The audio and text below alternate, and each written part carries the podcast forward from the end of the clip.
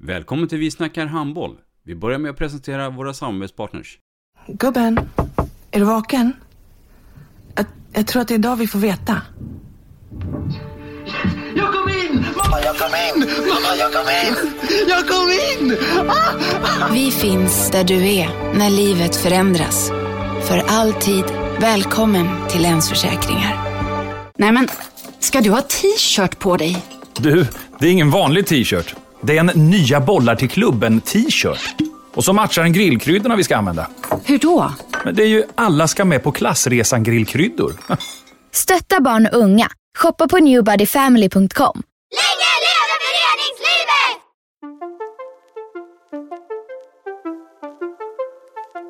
Välkommen säger vi till dig som lyssnar till den bästa handbollspodden. Vi snackar handboll med Robban Z och gäster.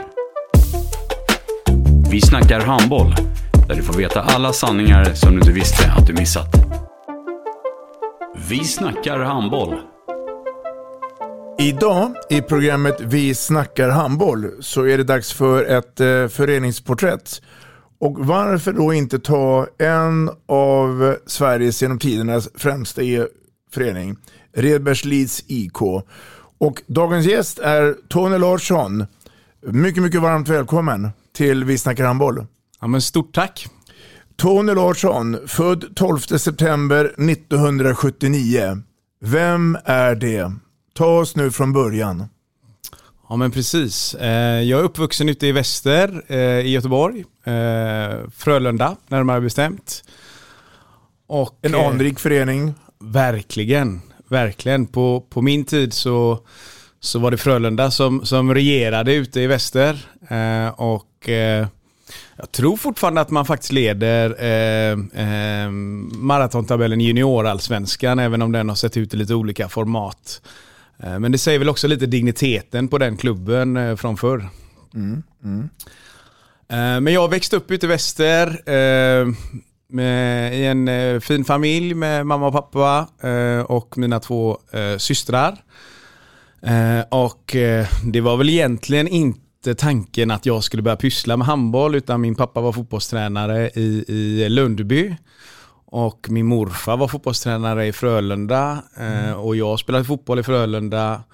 Eh, men sen så kom en herre, eh, Bertil Blomqvist, eh, som då var eh, Västra Frölundas IFs eh, Starke man. starke man och ute bland skolorna, barnen och han var helt fantastisk. Eh, och fångade upp mig direkt in till handbollen och jag kan väl säga att i den där lilla gympasalen, åtta år gammal, så eh, fick Bertil mig att fastna totalt för handbollen. Eh, och även om jag har spelat fotboll hela tiden så har alltid handboll varit eh, nummer ett för mig. Hur, hur gammal var du då? när, när men åtta, handboll? åtta år. Ja. Det var ju lite senare förr. Ja. Åtta, nio år sådär gjorde man debut i... Och på den tiden fanns det inte som idag handbollsskola?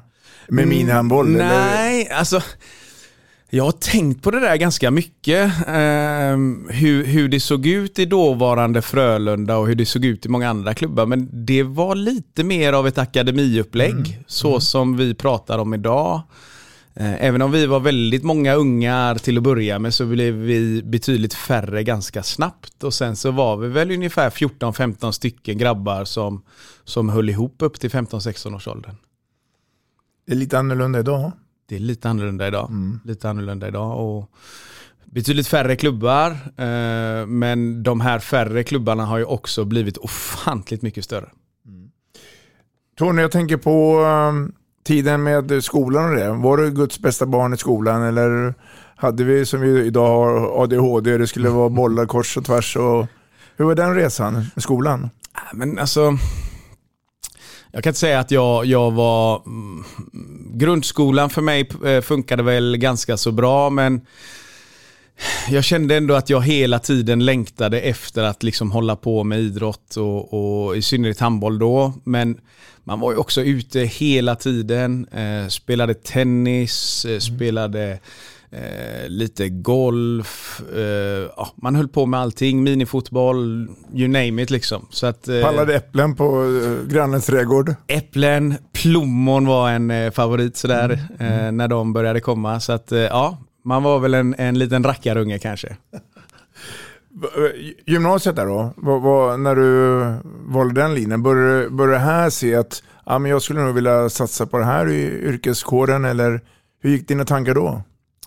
Men, eh, för, för mig fanns det bara ett steg där också. Jag valde ganska tidigt att jag ville gå på, på handbollsgymnasiet här på Katrinelund i Göteborg eh, och, och var med i Göteborgs distriktslag där för 79 um, och, och Han spelade Sverigecupen? Ja, precis, ja. precis. Vi lyckades ju hur, hur, var den här årgången i Göteborg? Ja, men vi, var, vi, var, vi var ganska bra tycker jag. Mm. Um, det blev väl kanske inga riktiga superstjärnor av någon av oss, men å andra sidan ganska många som har spelat mycket i elitserien mm. och som liksom är fortfarande kvar och jobbar i handbollens tjänst eh, på ett eller annat sätt. Mm. Vad, vad, tror du det kan bero på då? Ledarskap? Jag vet eller inte det... riktigt. Jag eh, har inte funderat så noga på den frågan just, men, men eh, men vi, vi, hade några duktiga, liksom riktigt duktiga. Anders Willram som ändå mm. spelar några år i elitserien. Eh, Henrik Martinsson mm. från Sävehof spelar mm. några år i elitserien. Aron Rever spelar några år. Um, så, att, så att vi hade nog kanske ändå en, en, en eh, 8-10 spelare som spelar i elitserien. Men det blev inte de här riktiga superstjärnorna som kanske Magnus Lindén eller, eller Henrik Lundström som mm. är från samma årgång. Uh, men men eh, tillräckligt bra ändå. För, jag menar, det, det, på något sätt tycker jag att det är viktigt att, att man gör någonting inom den sporten som man, som man liksom lever för. Mm. Sen om det är som en, en, en klubbdirektör eller om det är som en sportchef eller en tränare. Eh, jag tycker att det är viktigt att man mm. ändå behåller kärleken till sporten. Minns du vem du hade som ledare under Sverigecup-tiden? Absolut, det minns jag. Vem var det då? Magnus Bagan Johansson. Ja. Mm. ja. Det är faktiskt helt rätt det. Um, när ni kom hem då från Sverigecupen, det här gänget och du, framförallt du då, alltså, fäste handbollen eh, som prio eller började det finnas andra intressen i livet? Eller vill man gå ännu djupare och hårdare? Eh, för min del ännu djupare, ännu hårdare. Eh, mm. Vilket också ledde till att, att jag eh, eh, gick från Frölunda något år senare där. Eh, gick andra året på gymnasiet och gick från Frölunda till, till, eh, till RIK. Jag känner inte till riktigt bakgrunden sådär men, men eh, det blev en, en, en ett eh, ganska infekterat byte mellan klubbarna.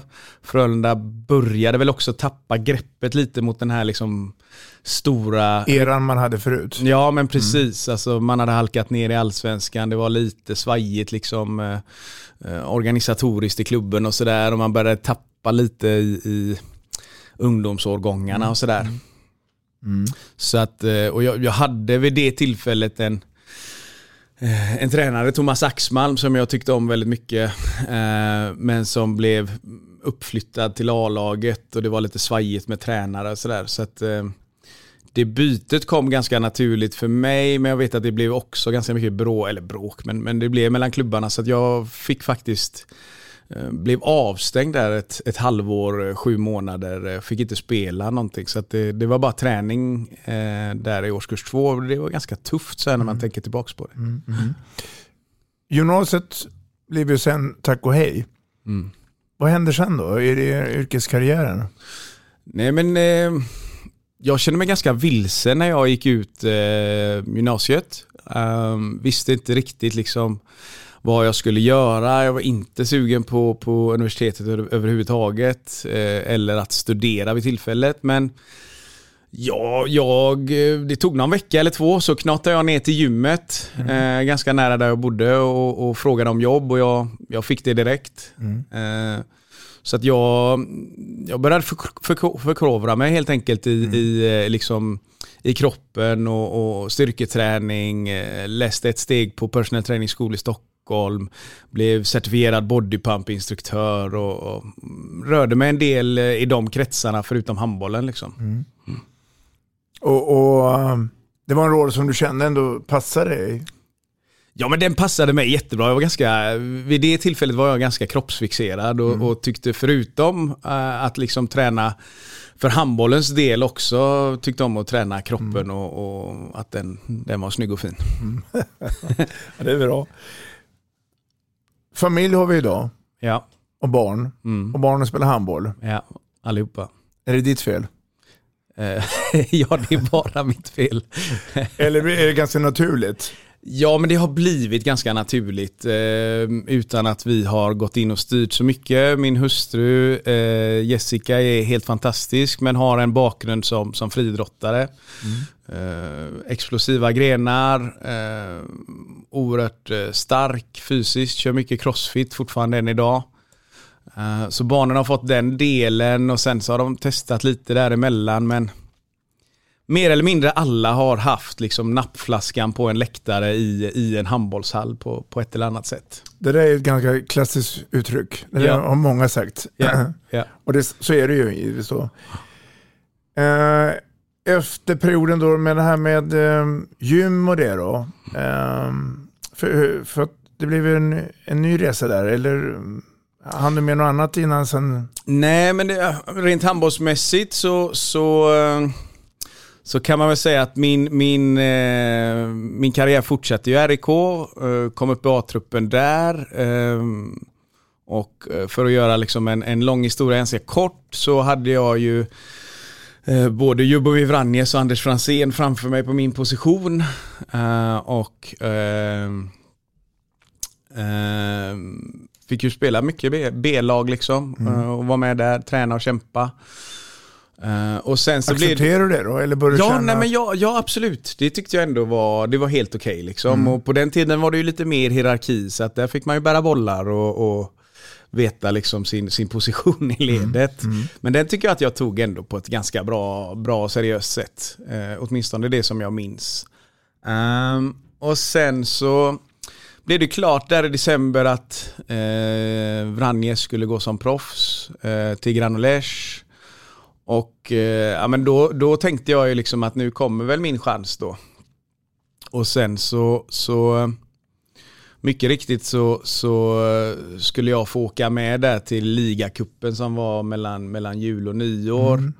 Var det sagt några dagar innan men sen så, så eh, ringde Reine mig och sa att nej du behöver inte åka med för vi har värvat Martin Bokvist. Eh, och då insåg jag väl där och då faktiskt att nej, jag, tro, jag tror liksom inte att, att RIK kommer att eh, satsa på mig fullt ut så, som, så som jag vill. Och hur gammal är du i den perioden? Ja, då är jag 20. Jag är 20. Och vad, vad, vad, vad fungerar din, din lilla hjärna då? då? Nej, men eh, den blev väl liksom eh, lite ledsen och besviken därför att jag tyckte väl själv att jag hade kanske lite, lite mer i mig och, och ville så gärna att, att de runt omkring mig skulle, skulle se det.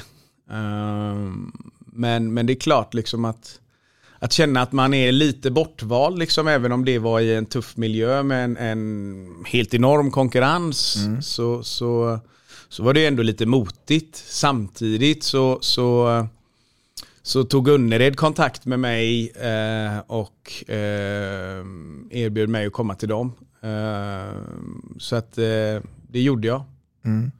Eh, och fick vara med om en helt fantastisk resa där istället. Som, som var, var jättekul och, och som har gett mig också jättemycket. När tog eh, den spelande karriären slut?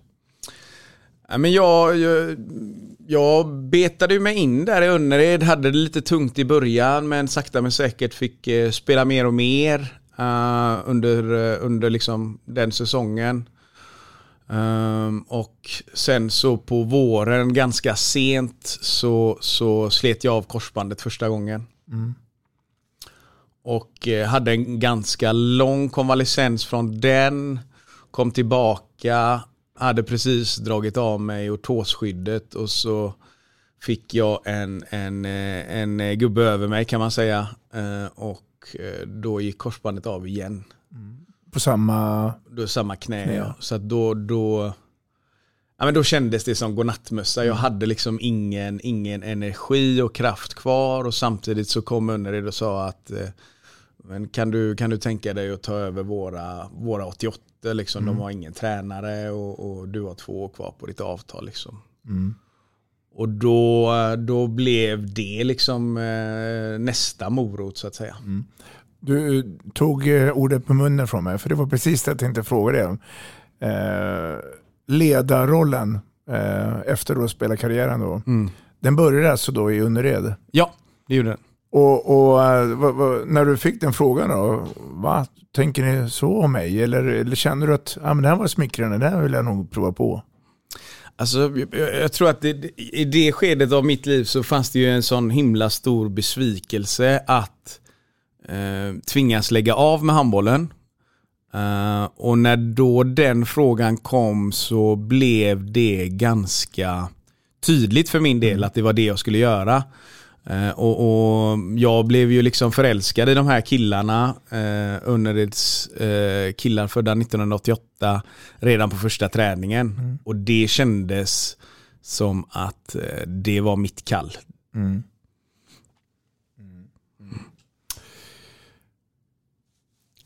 1916, då var varken du eller jag födda. Men då föddes en förening. Precis. Du vet vad jag tänker på? Absolut. Ribberslids IK.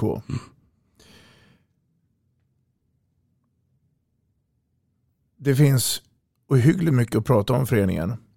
Nu ska vi försöka se om vi kan ta oss igenom alla dessa åren Mm. fram till idag. Då.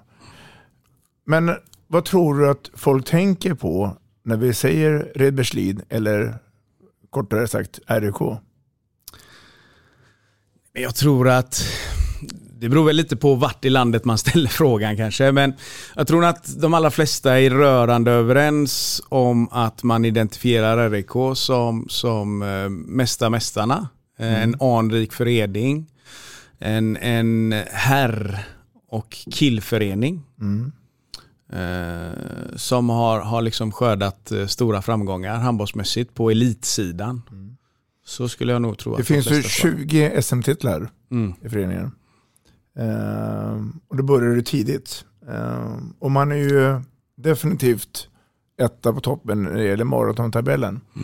Men var det meningen att det skulle vara så när man grundade då att man skulle satsa enbart på herr och pojkverksamhet? Nej, absolut inte. Absolut inte. Och, och handbollen var ju inte heller först ut eh, när man startade Nej. föreningen utan, utan det var ju eh, friidrott framför allt. Eh, sen har det ju funnits liksom gymnastik, fotboll. Mm. Ehm, så att eh, nej, handbollen var inte, inte direkt tanken från början även om den kom tidigt för att, för att vara i Sverige. Eh, Men vi har ju haft väldigt många kvinnor i, i våran klubb som har varit helt fantastiska eh, inom alla idrotter. Och den som kanske folk känner till allra, allra främst är ju ingen mindre än Ingrid Pyret Almqvist som var liksom eh, världsklass i spjut. Va?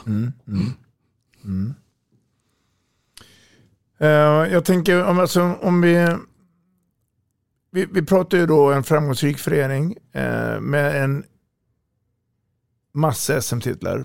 Mm. Man har spelat ute i Europa. Eh, man har haft sina duster med eh, drott eh, eh, under ett sekel och lite till där då. Ehm, när man var som störst och bäst då, tror du att man tänkte då någonting att ehm, hur ska vi över tid hålla kvar den här första platsen? Eller känner man då att det här kommer lösa sig själv? Det är som ett rullande piano. För, förstår du min Ja, jag, fråga? för, jag, förstår, jag förstår hur du tänker. Ehm, nej men jag, jag tror att, för jag var ju i klubben eh, eh, i slutet av 90-talet, början på 2000 och ehm, om man läste tidningarna på den tiden Mm. så var ju de mesta rubrikerna här i Göteborg i alla fall hur överlägsna RIK är. Mm. Eller var. Och liksom vad är liksom så här nästa steg?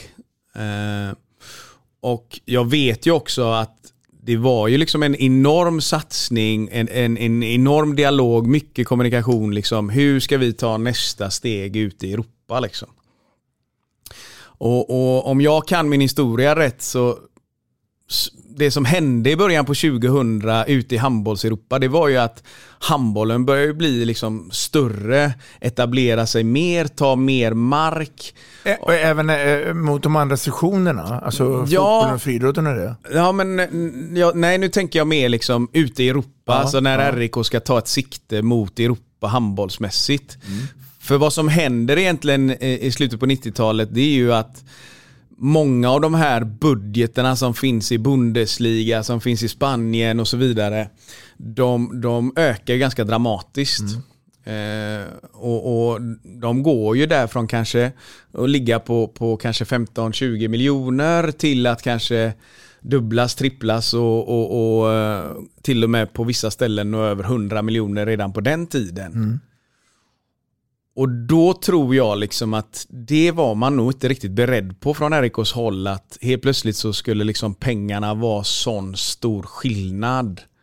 Eh, I de olika ligorna. Ja men Alltså. precis, för jag, jag vet att eh, RIK hade eh, överlägset bäst eh, intäkter när det kommer till sponsring i slutet på 90-talet liksom, och låg bra till om man, även om man jämför liksom, mot fotboll och lite andra, andra idrotter. Liksom. Tror du att man var för passiv då när man tog det beslutet? Eller, eller eh, för jag, jag misstänker ju att det fanns olika viljor då. Några kanske vill att vi kör. Vi, vi, jag tror att alla var överens om att vi kör. ja. Det tror jag nog. Det tror jag nog. Sen på vilket sätt man kör, det är väl, det är väl en annan fråga. Liksom. Den, den, den har inte jag detaljkunskap om vid det tillfället.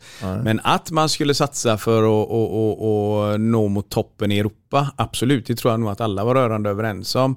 Vad man kanske inte var beredd på var ju då som jag säger att budgeterna ökade ute i Europa, vilket gjorde att de spelare som vi hade som, som försörjde liksom halva landslaget, de försvann ju och skulle då ersättas med, med eh, unga killar eller att man skulle värva etablerat och sådär. Och, och, och när man hamnar i den trallen så blir det dyrt. Det blir väldigt dyrt. Och det går fort. Och det är jag osäker på om man var beredd på. Faktiskt. RUK förgriper sig med Göteborg, men är det, är det något särskilt stadsdelsområde som RUK har haft alltid en grund att här ska vi lägga resurserna? Hur, hur tänker man här?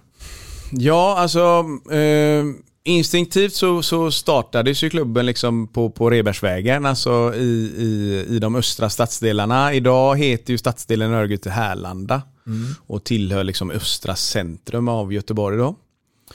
Eh, Och sen så har det ju varit lite fram och tillbaka med Ånäsfält, ner på Svingen, eh, bort mot SKF och Gamlestan. Och sen egentligen mitten på 90-talet så kan man väl säga att vårt hjärta är Rosendalshallen då uppe i, i Det är eh, mitt starkaste minne. ja, Björkekärr. Ja. Va- Vad sa du, är det ditt starkaste Det, det, minne? det är mitt starkaste minne, eh, alltså när det gäller området. Ja, Eh, För där låg ju också träningshallen. ja. Eh, idag då, är, är, det, är, det, är alla lika välkomna eller se- se- ser du att konkurrensen har blivit annorlunda? Alltså, Jag tänker på Göteborgsområdet och handbollen här. Ja, nej men handbollen i Göteborg är ju stor eh, och det är många klubbar. Eh, och man, man har ju då från förbundets sida så har man ju delat upp staden i, i olika eh, tårtbitar utifrån, utifrån eh, geografin egentligen. Och där har vi ju då eh, ett antal skolor som ett upptagningsområde och, och de besöker vi och, och det är där vi liksom lockar folk till, till våra handbollsskolor. Sen är, finns det då ett antal områden som vi pratar om som är liksom lite då vita fläckar. Eh, där tyvärr inte handbollen finns idag. Ehm, jag vet att man kämpar på i Angered men Vassiterna har ju eh, tappat greppet där eh, och inte alls så starka som man var. Eh, Är det andra sporter som har tagit över då? Eller är det eldsjälar som saknas? Både och tror jag. Både och tror jag. Men vi har ju inget... I handbollen har vi inget försprång. Fotboll och i viss mån basket har ett, ett försprång i, i, eh, i våra ytterområden som har eh, ofta liksom en, en, en högre beläggning med, med eh, tjejer och killar med invandrarbakgrund. Så där, där måste det finnas eldsjälar. Det måste finnas eh, strukturer och, och men framförallt så måste det finnas handbollsklubbar som drivs på liksom. Och och där ser vi ju nu då de sista åren som är, som är jätte, jättetråkigt. Alltså Kortedala, Baner som har försvunnit. De gjorde någon, något eh, Försök. försök där liksom, fick inte ihop det. Kviberg har vuxit fram liksom i den nedre delen mot, mot Utby av, av Kortedala då. De kämpar ju på och, och gör det jättebra med sina resurser liksom. Sen kan man diskutera om de får det att flyga eller inte men, men de gör det bra men det finns fortfarande mycket att göra. Varta har ju dragit igång igen, de drog, drog igång för några år sedan men eh, ut mot liksom Länsmansgården, Biskopsgården och sådär så är det, skulle jag väl ändå betrakta det som en vit fläck liksom. Så att i, i, Det finns i alla fall möjligheter. Absolut, ja, ja, ja, ja. Det är klart att det finns möjligheter men folk måste också inse vilket oerhört arbete som krävs för att få igång det. Eh, och där behöver vi hitta bättre strukturer. Jag vet att Kenneth Johansson på förbundet och förbundet Handb- Handboll Väst, eh, de försöker. Eh, men jag tror att man behöver också titta på, på nya vägar, etablera nya klubbar, ta upp eh, människor som kanske har lite handbollsbakgrund men kanske också emellanåt lite invandrarbakgrund så att man, man hittar de här identifieringarna som jag tror är viktiga. Men det krävs ett större och, och mer omfattande arbete för att lösa det men det går att lösa absolut. Om vi då tittar på dagens moderna RUK och jag är inne på ledarskap och ledare så växer inte ledare på trän längre utan det är, i min lilla värld så är det tuffare och tuffare att eh, få fram ledare. Framförallt om vi pratar ideellt då. Eh, hur, hur gör RUK idag för att, för att plantera in ledare i, i de respektive lagen? För jag utgår ifrån att det finns ju spelare men det gäller också att hitta ledare och tränare som kan utveckla dem. Hur tänker RUK här? Nej, men vi, vi har byggt upp klubben eh, sen drygt eh, tio år tillbaka med något som jag kallar för, för kugghjulsprincipen. Och kugghjulsprincipen bygger egentligen på att vi i våran handbollsskola på både pojk och flicksidan så jobbar vi med två ålderskullar. Så vi har inte en egen ålderskull. Och syftet med det är att eh, det här kugghjulet ska hacka i då. Så att om vi leker med tanken att eh, handbollsskolan så är det killar eller tjejer som är födda 10 och 11. Eh, då har vi eh, samlat upp ledare, eh, oftast föräldrar då, från eh, den äldre årsgruppen. Det vill säga eh, killar och tjejer som är födda 2010. Och deras uppdrag under säsongen är egentligen att förutom att träna eh, tjejerna och killarna så ska man också försöka ragga upp då föräldrar till den yngre årgången. Som sitter oftast på läktaren och tittar. Precis. Men fråga inte mig, för jag, jag har mycket annat att göra. Eller eh, funkar det? Nej men det, det, det funkar ju. Eh, uppenbarligen, för det är så vi har byggt, eh, byggt eh, klubben. Och, eh, sen, sen får man ju göra det här eh, lite extra. Nu har det varit corona och sådär så det har varit tufft de sista, sista åren. Men innan så försökte vi alltid liksom, men då går handbollsskolorna klossan hos oss. Eh, tjejerna börjar nio, killarna börjar tio eller tvärtom varannat år. Och så har vi liksom lite, det luktar lite bullar i hallen och vi serverar lite kaffe så att det liksom är gemytligt. Vi tillåter att föräldrarna är där och tittar på träning. Jag vet att det är många andra klubbar som inte tillåter det och så vidare. Eh, Men, men för vår överlevnad och för att vi ska liksom få nya ledare så är det en förutsättning. Eh, Sen får vi se om några år. Liksom. Vi växer ju till oss för varje år som går. Men, men eh, just nu så jobbar vi enligt den principen och jag tror att vi kommer fortsätta med den principen också ett par år framåt. Men kan det vara så att du går och frågar eh, A-lagsspelare eh, om tanke att skulle du kunna tänka dig Kalle att bli tränare här? Vi har ett par lag här som skulle behöva... Nej, det, nej, nej, nej. Det, det kommer aldrig hända-. Nej. Nej. Ehm, alltså jag vill att de som är A-lagsspelare, eh, de ska fokusera på sitt. Eh, sen ser jag gärna att de är med som faddrar i olika grupper. Och förebilder. Ja, och förebilder, absolut, självklart. Eh, sen har vi ett klubbmästerskap varje år där, där A-lagsspelarna på herr och damsidan är med och leder lag från hela klubben. Eh, och där öppnar vi upp liksom. Och sen så ska man försöka eh, som A-lagsspelare besöka en, en, en till två max tre träningar på en säsong liksom, i, i de olika grupperna. Jag tror snarare det än att vi ska ha A-lagsspelare som, som kommer på varje träning och, och, och ska lägga sin energi där. Mm. I min, I min eh, bok så ska de träna och lägga sin tid och energi på att eh, fortsätta utveckla vårt A-lag. Du, du var inne på det med eh, förebilder och det. Eh, när det gäller eh, när RIK har sina seniormatcher, Mm. Uppmuntrar de och på vilket sätt då alla ungdomslagen och föräldrar att komma och titta på matcherna? Absolut, absolut. Sen, sen tror jag inte heller liksom på att eh, det, det är viktigt att hitta en, en balans. Alltså det får inte vara att det känns tvingande. Men det får, det får heller inte vara att det liksom blir totalt avvaktande och, och, och avslappnat där, där man inte kommer alls. Så att från klubbens sida så, så försöker vi marknadsföra matcherna. Eh, vi försöker hitta olika sätt och system i perioder där de liksom kan ställa in träningar och komma på matcherna istället. Lite, lite fika på det och, och gärna lite från tränaren och sådär. Eh, och sen så satsar vi kanske lite fler på vissa matcher än vad vi gör på andra matcher. För det vet man också, där, där kommer publiken. Ja, ja. Hur mår totalt sett ungdomsverksamheten idag? Nej, men vi mår ju, eh, vi mår ju bra. Mm. Alltså, om vi spolar tillbaks bandet tio år Mm. så hade vi eh, fem ungdomslag. Eh, jag tror att, att, eh, att nu så anmäler vi nog 50 lag i seriespel. Vi har täckning i alla åldersgrupper både på, på pojk och flicksidan. Och för första gången då på väldigt, väldigt länge så har vi ett juniorlag på damsidan. Eh, så att ehm, det är klart att det finns en och annan årgång med inte så många. Och då Men- undrar jag, hur har det kunnat hända nu inför 22-23 säsongen? Ja. Nej men vi- vi har satsat på det liksom. Eh, det, det, fi- det finns inget annat än hårt arbete tycker jag. Utan det, det, det måste man lägga. Och jag tycker att nu har vi lagt en väldigt, väldigt fin grund för RIK. Vi har byggt upp en stor betonggrund. Och eh, nu ska vi börja bygga torn. Mm. Eh, och det är så jag ser på det. Eh, vi har jättemånga fina ungdomar som tränar och älskar sin handboll och som, som älskar RIK.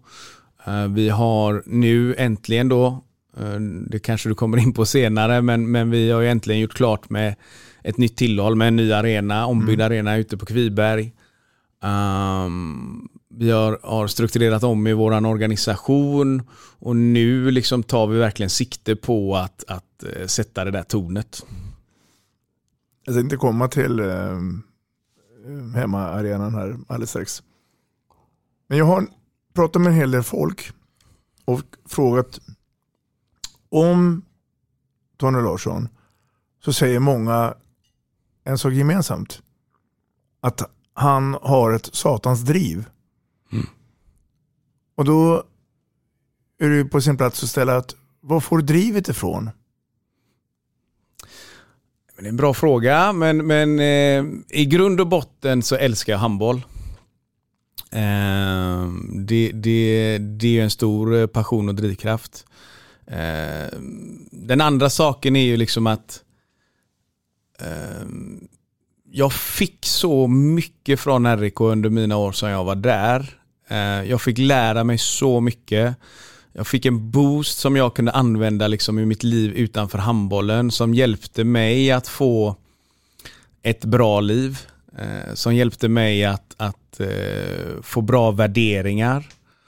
Eh, så att de två sakerna tror jag är, liksom, de är helt avgörande. Och sen Sen har jag liksom en, ett sånt där mantra liksom som jag tycker är så extremt viktigt eh, i, i, i min, min egenskap som, som, som ledare. Och liksom, man ska vara snäll. Mm.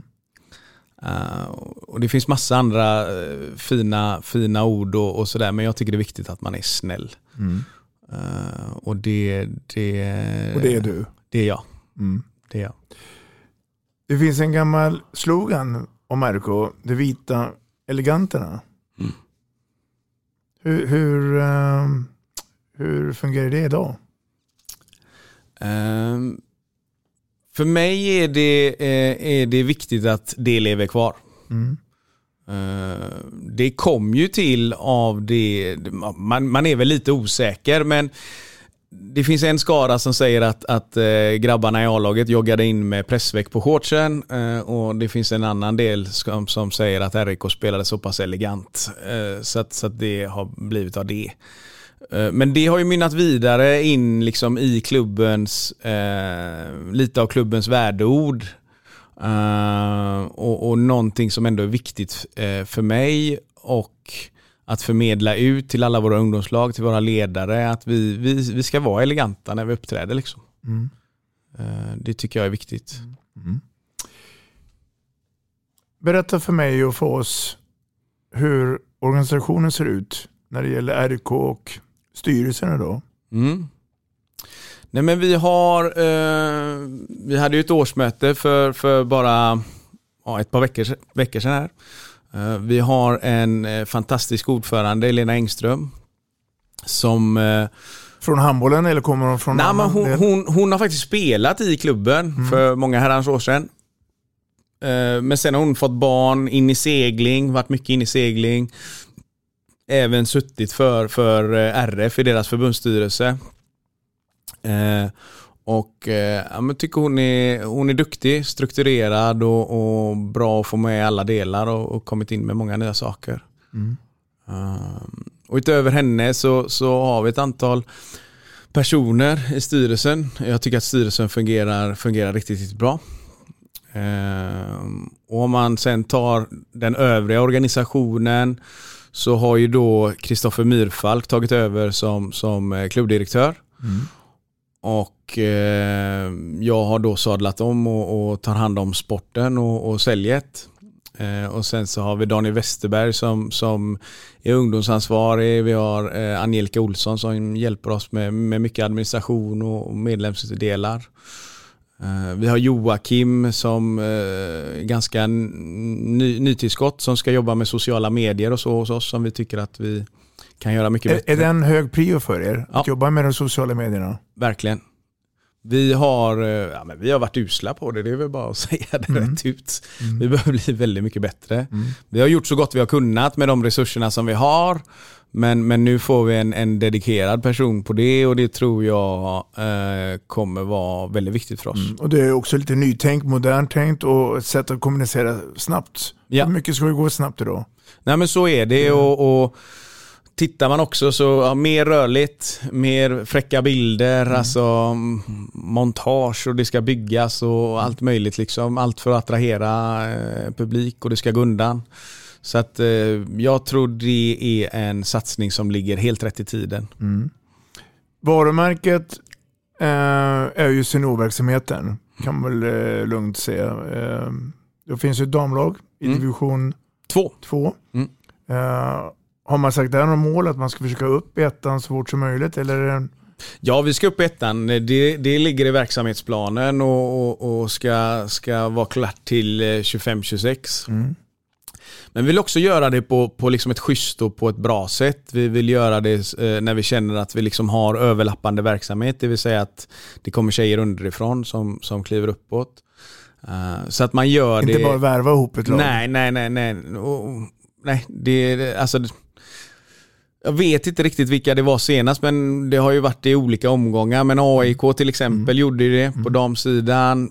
Tycker inte det är någon bra grej. Mm. sen tänker inte jag kasta sten på dem liksom så men, men jag tycker att man, man, man, får ta det liksom ett steg i taget. Mm. och det, det är vad vi tänker göra och när vi är redo och, och vi har överlappande och vi har liksom uh, gått, uh, gått ett steg på trappan så då kommer vi vara redo liksom. Mm. Och då kommer också klubben att, att lägga resurser på det. Och då har vi herrarna mm. som eh, några säsonger då har fått kämpa på den nedre positionen. Mm. Och det är inget roligt om man är rik eh, Får vi vänja oss med det ett tag till tror du? Eller är det så att eh, RIK kommer göra en överraskning här och klättra upp Um, Eller tänker du på samma sak som på damerna, vi ska göra det på ett bra sätt? Ja, men absolut. Uh, det, det, det, ska göras på ett bra sätt. Det ska göras med liksom en, en, en ekonomi som ändå är i balans. Det ska göras med en organisation som är redo. Um, så att ja, absolut, ett steg i taget. Men för det första kan man väl säga så här att det är ju ett under att vi som förening fortfarande spelar i handbollsligan.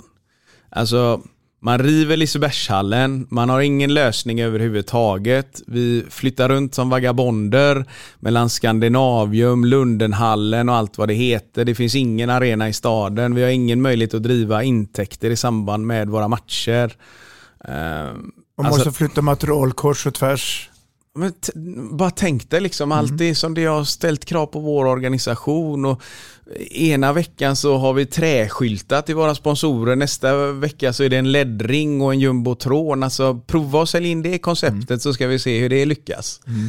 Så att, att vi bara ens är i handbollsligan är för mig så här, det är helt galet bra. Mm. Sen kan folk tycka och tänka vad de vill men det, det, jag skiter i det. Uh, och nu är vi ändå där. Mm. Nu ska vi få en ny arena uh, och den hålls på att byggas om nu. Vi får se hur långt den hinner fram här i premiären. Uh, men jag tycker att vi har, liksom, vi har byggt upp en bra trupp. Mm. Ehm. men det är några år sedan som beskedet kom att Lisebergshallen skulle rivas och ja. eh, man då från, säkert från olika håll då försökte titta på var ska vi vara någonstans. Så mm. det var lite temporära lösningar. Mm. Men nu, vad jag förstår nu så har ju Kviberg varit då det fästet man vill lägga sina resurser. Ja.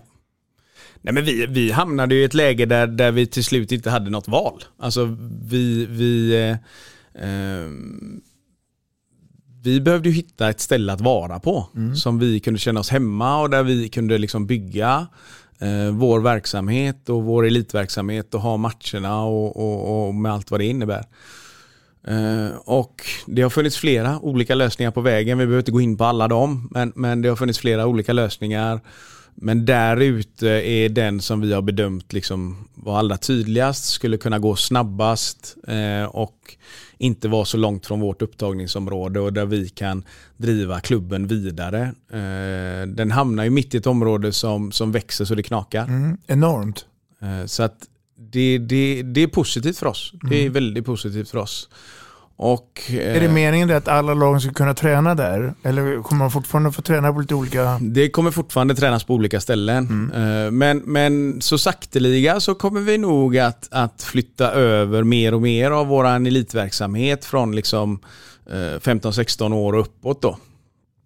Eh, dit ut, sakta mm. men säkert. För utöver den hallen som eh, byggs om eh, för vår del och även för annan idrott och konserter och allt vad det kan vara. Så byggs eh, det en hall mittemot också. Mm. Så att området ökar ju med fyra, eller två handbollshallar kan man väl säga då, men det blir fyra stycken fullmått handbollshallar på området. På gångavstånd? Ja, ja, det ja. är 100 meter emellan ja. hallarna, mm. så att, eh, absolut. Och, och att, äh, Nybygget av arenan, alltså ute vid Kiberg nu, eh, beror ju också då på de kraven då från, från handbollsligan mm. som uh, måste eh, genomföras då. Ja, mm. precis. Mm. Så att, nej men det, det kommer ju vara en hall för uh, lite drygt uh, 1600 sittande och ett par hundra stående. Mm. Det finns ju alltid den anläggningen.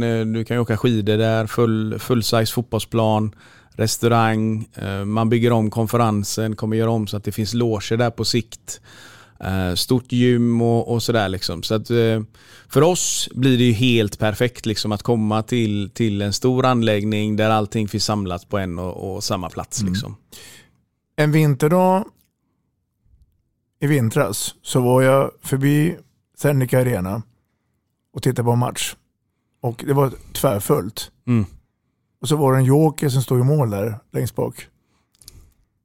Jag tänker på Andreas Palicka och matchen mot HK Malmö. När jag ser den matchen och så får jag de här gamla hedliga känslan i Lisebergshallen. Och jag misstänker att det är så här man vill att den ska se ut, fullsatt.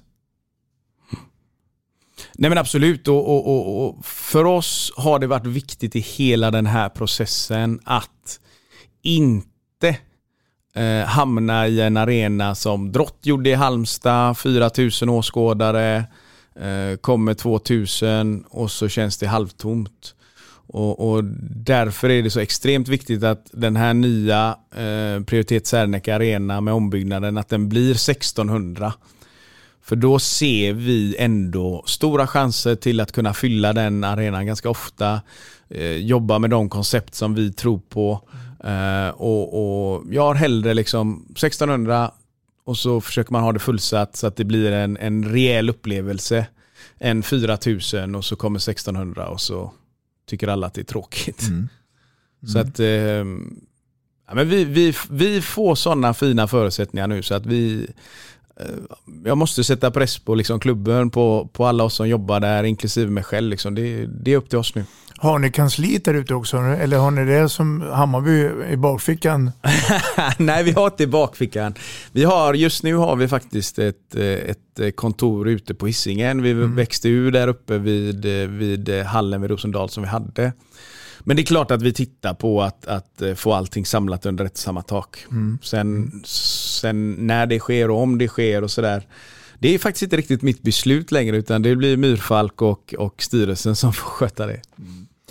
2003, då tog man ju då det 20 SM-guldet. Det är några år sedan. Mm. Tror du att vi får vara med och uppleva ett nytt SM-guld inom en snar framtid? Ja, men det tror jag absolut. Ett ärligt svar. Ett ärligt svar, ja. Jo, men alltså... Eh, det, det, är naturligtvis jättesvårt att säga eh, inom en snar framtid. Eh, så, men vi har den ambitionen. Vi vill det. Mm. Eh, och vi har satt upp en, en, en femårsplan eh, som vi jobbar stenhårt efter. Och i den femårsplanen så, så ska vi liksom vara med där uppe och fightas. För vi är väl ganska överens om att det går inte bara att prata gamla roliga minnen. Eh, för det får man inte några extra poäng för. Nej. Utan det är mycket här och nu. Så är det verkligen. Och, och det, vad man också måste förstå är ju att, att idag kostar det lite pengar också. Mm. Det är ju bara att titta på vilka klubbar det är som ligger där uppe. Ja, men det är klart att någon, någon klubb eh, någon gång här och då kan liksom snurra till det. Men i att vara med och utmana och verkligen slåss om det, nej, men då får du ha pengar liksom. Mm. Och idag är det, det, det är bara så att det är liksom, det är Ystad, det är Kristianstad, det är Sävehof. Mm. Och det är viss mån Skövde och Alingsås som har varit med där och brottats om det. Och om du tittar i deras böcker så är det också de som har pengar. Det är även där två olika ligor, eller tabeller. Ja men så är det, mm. så är det. Och, men, men vi drivs ju av, av, vi drivs ju av det nu. Mm. Och har driv, drivits av det ett tag, men nu när vi får en egen arena så har vi möjlighet att driva intäkter i samband med våra matcher och i och runt omkring och formera det på ett helt annat sätt. Om vi pratar ekonomi då, vad, vad, eh, vad skulle du tro att RIK idag omsätter per år? Lite svårt nu med corona och sådär som ligger bakom oss. Eh, det har ju minskat ganska drastiskt liksom under de här åren. Men jag skulle gissa på att vi kommer omsätta, den här säsongen kommer vi omsätta ungefär 13-14 eh, miljoner. Mm.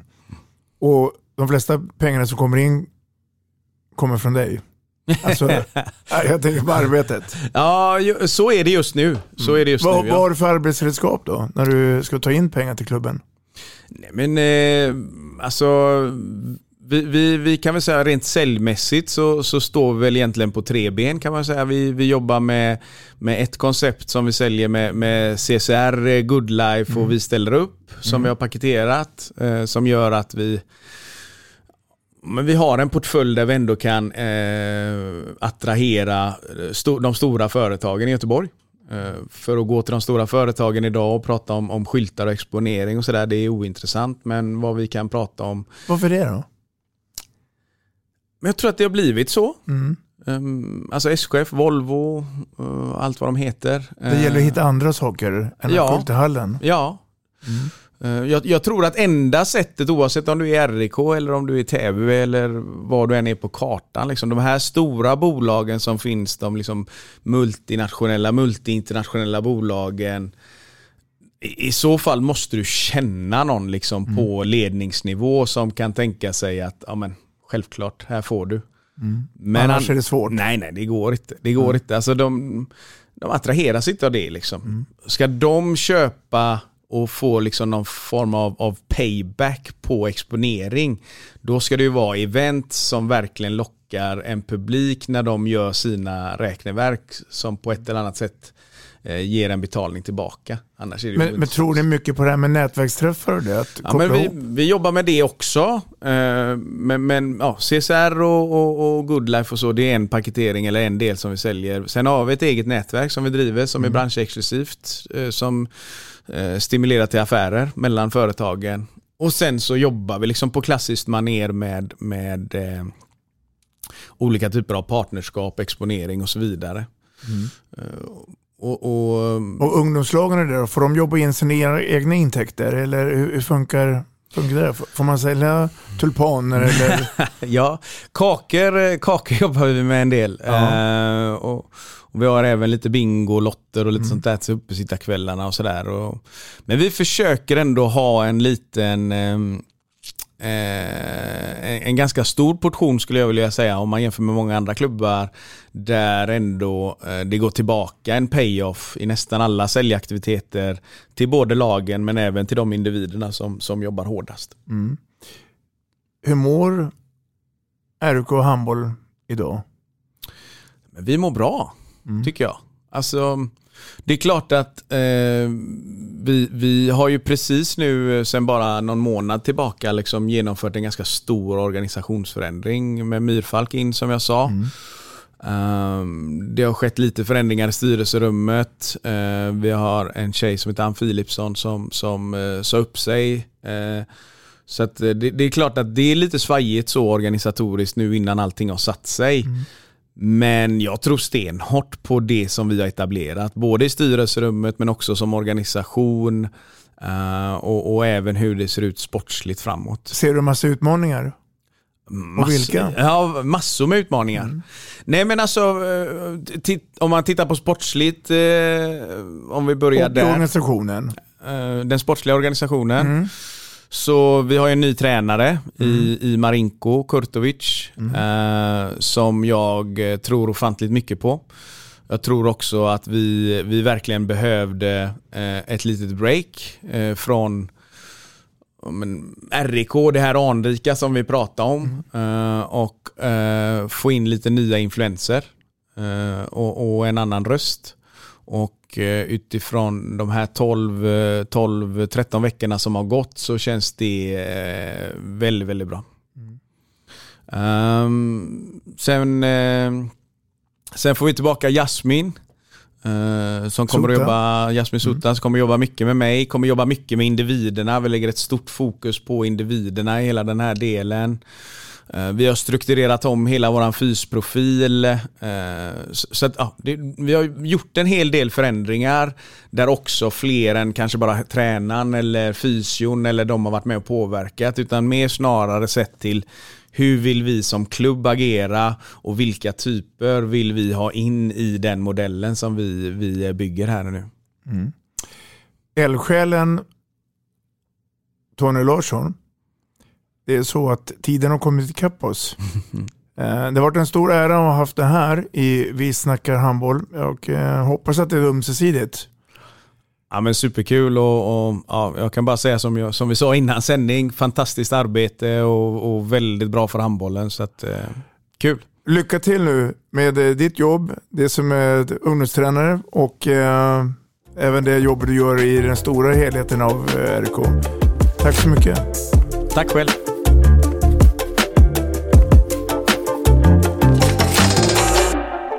Vi snackar handboll, där du får veta alla sanningar som du inte visste att du missat. Vi snackar handboll. Vi snackar handboll produceras av produktionsbolaget High On Experience, från vision till passion. Ett avslutande tack till våra samarbetspartners. Hallå! Kommer ni eller? Ja, ja. Har du sett mina ankelsockar? De här? Nej, nej, jag menar skridskoslip till juniorlaget Ankelsockarna. Ja, men kolla bredvid träningsläger med handbollstjejerna-t-shirtarna. Stötta barn och unga. Shoppa på newbodyfamily.com. Länge leve föreningslivet! Gubben, är du vaken? Jag, jag tror att det är idag vi får veta. Mamma, jag jag kom in! Mamma, jag kom in! Jag kom in! Ah! Vi finns där du är när livet förändras. För alltid välkommen till Länsförsäkringar.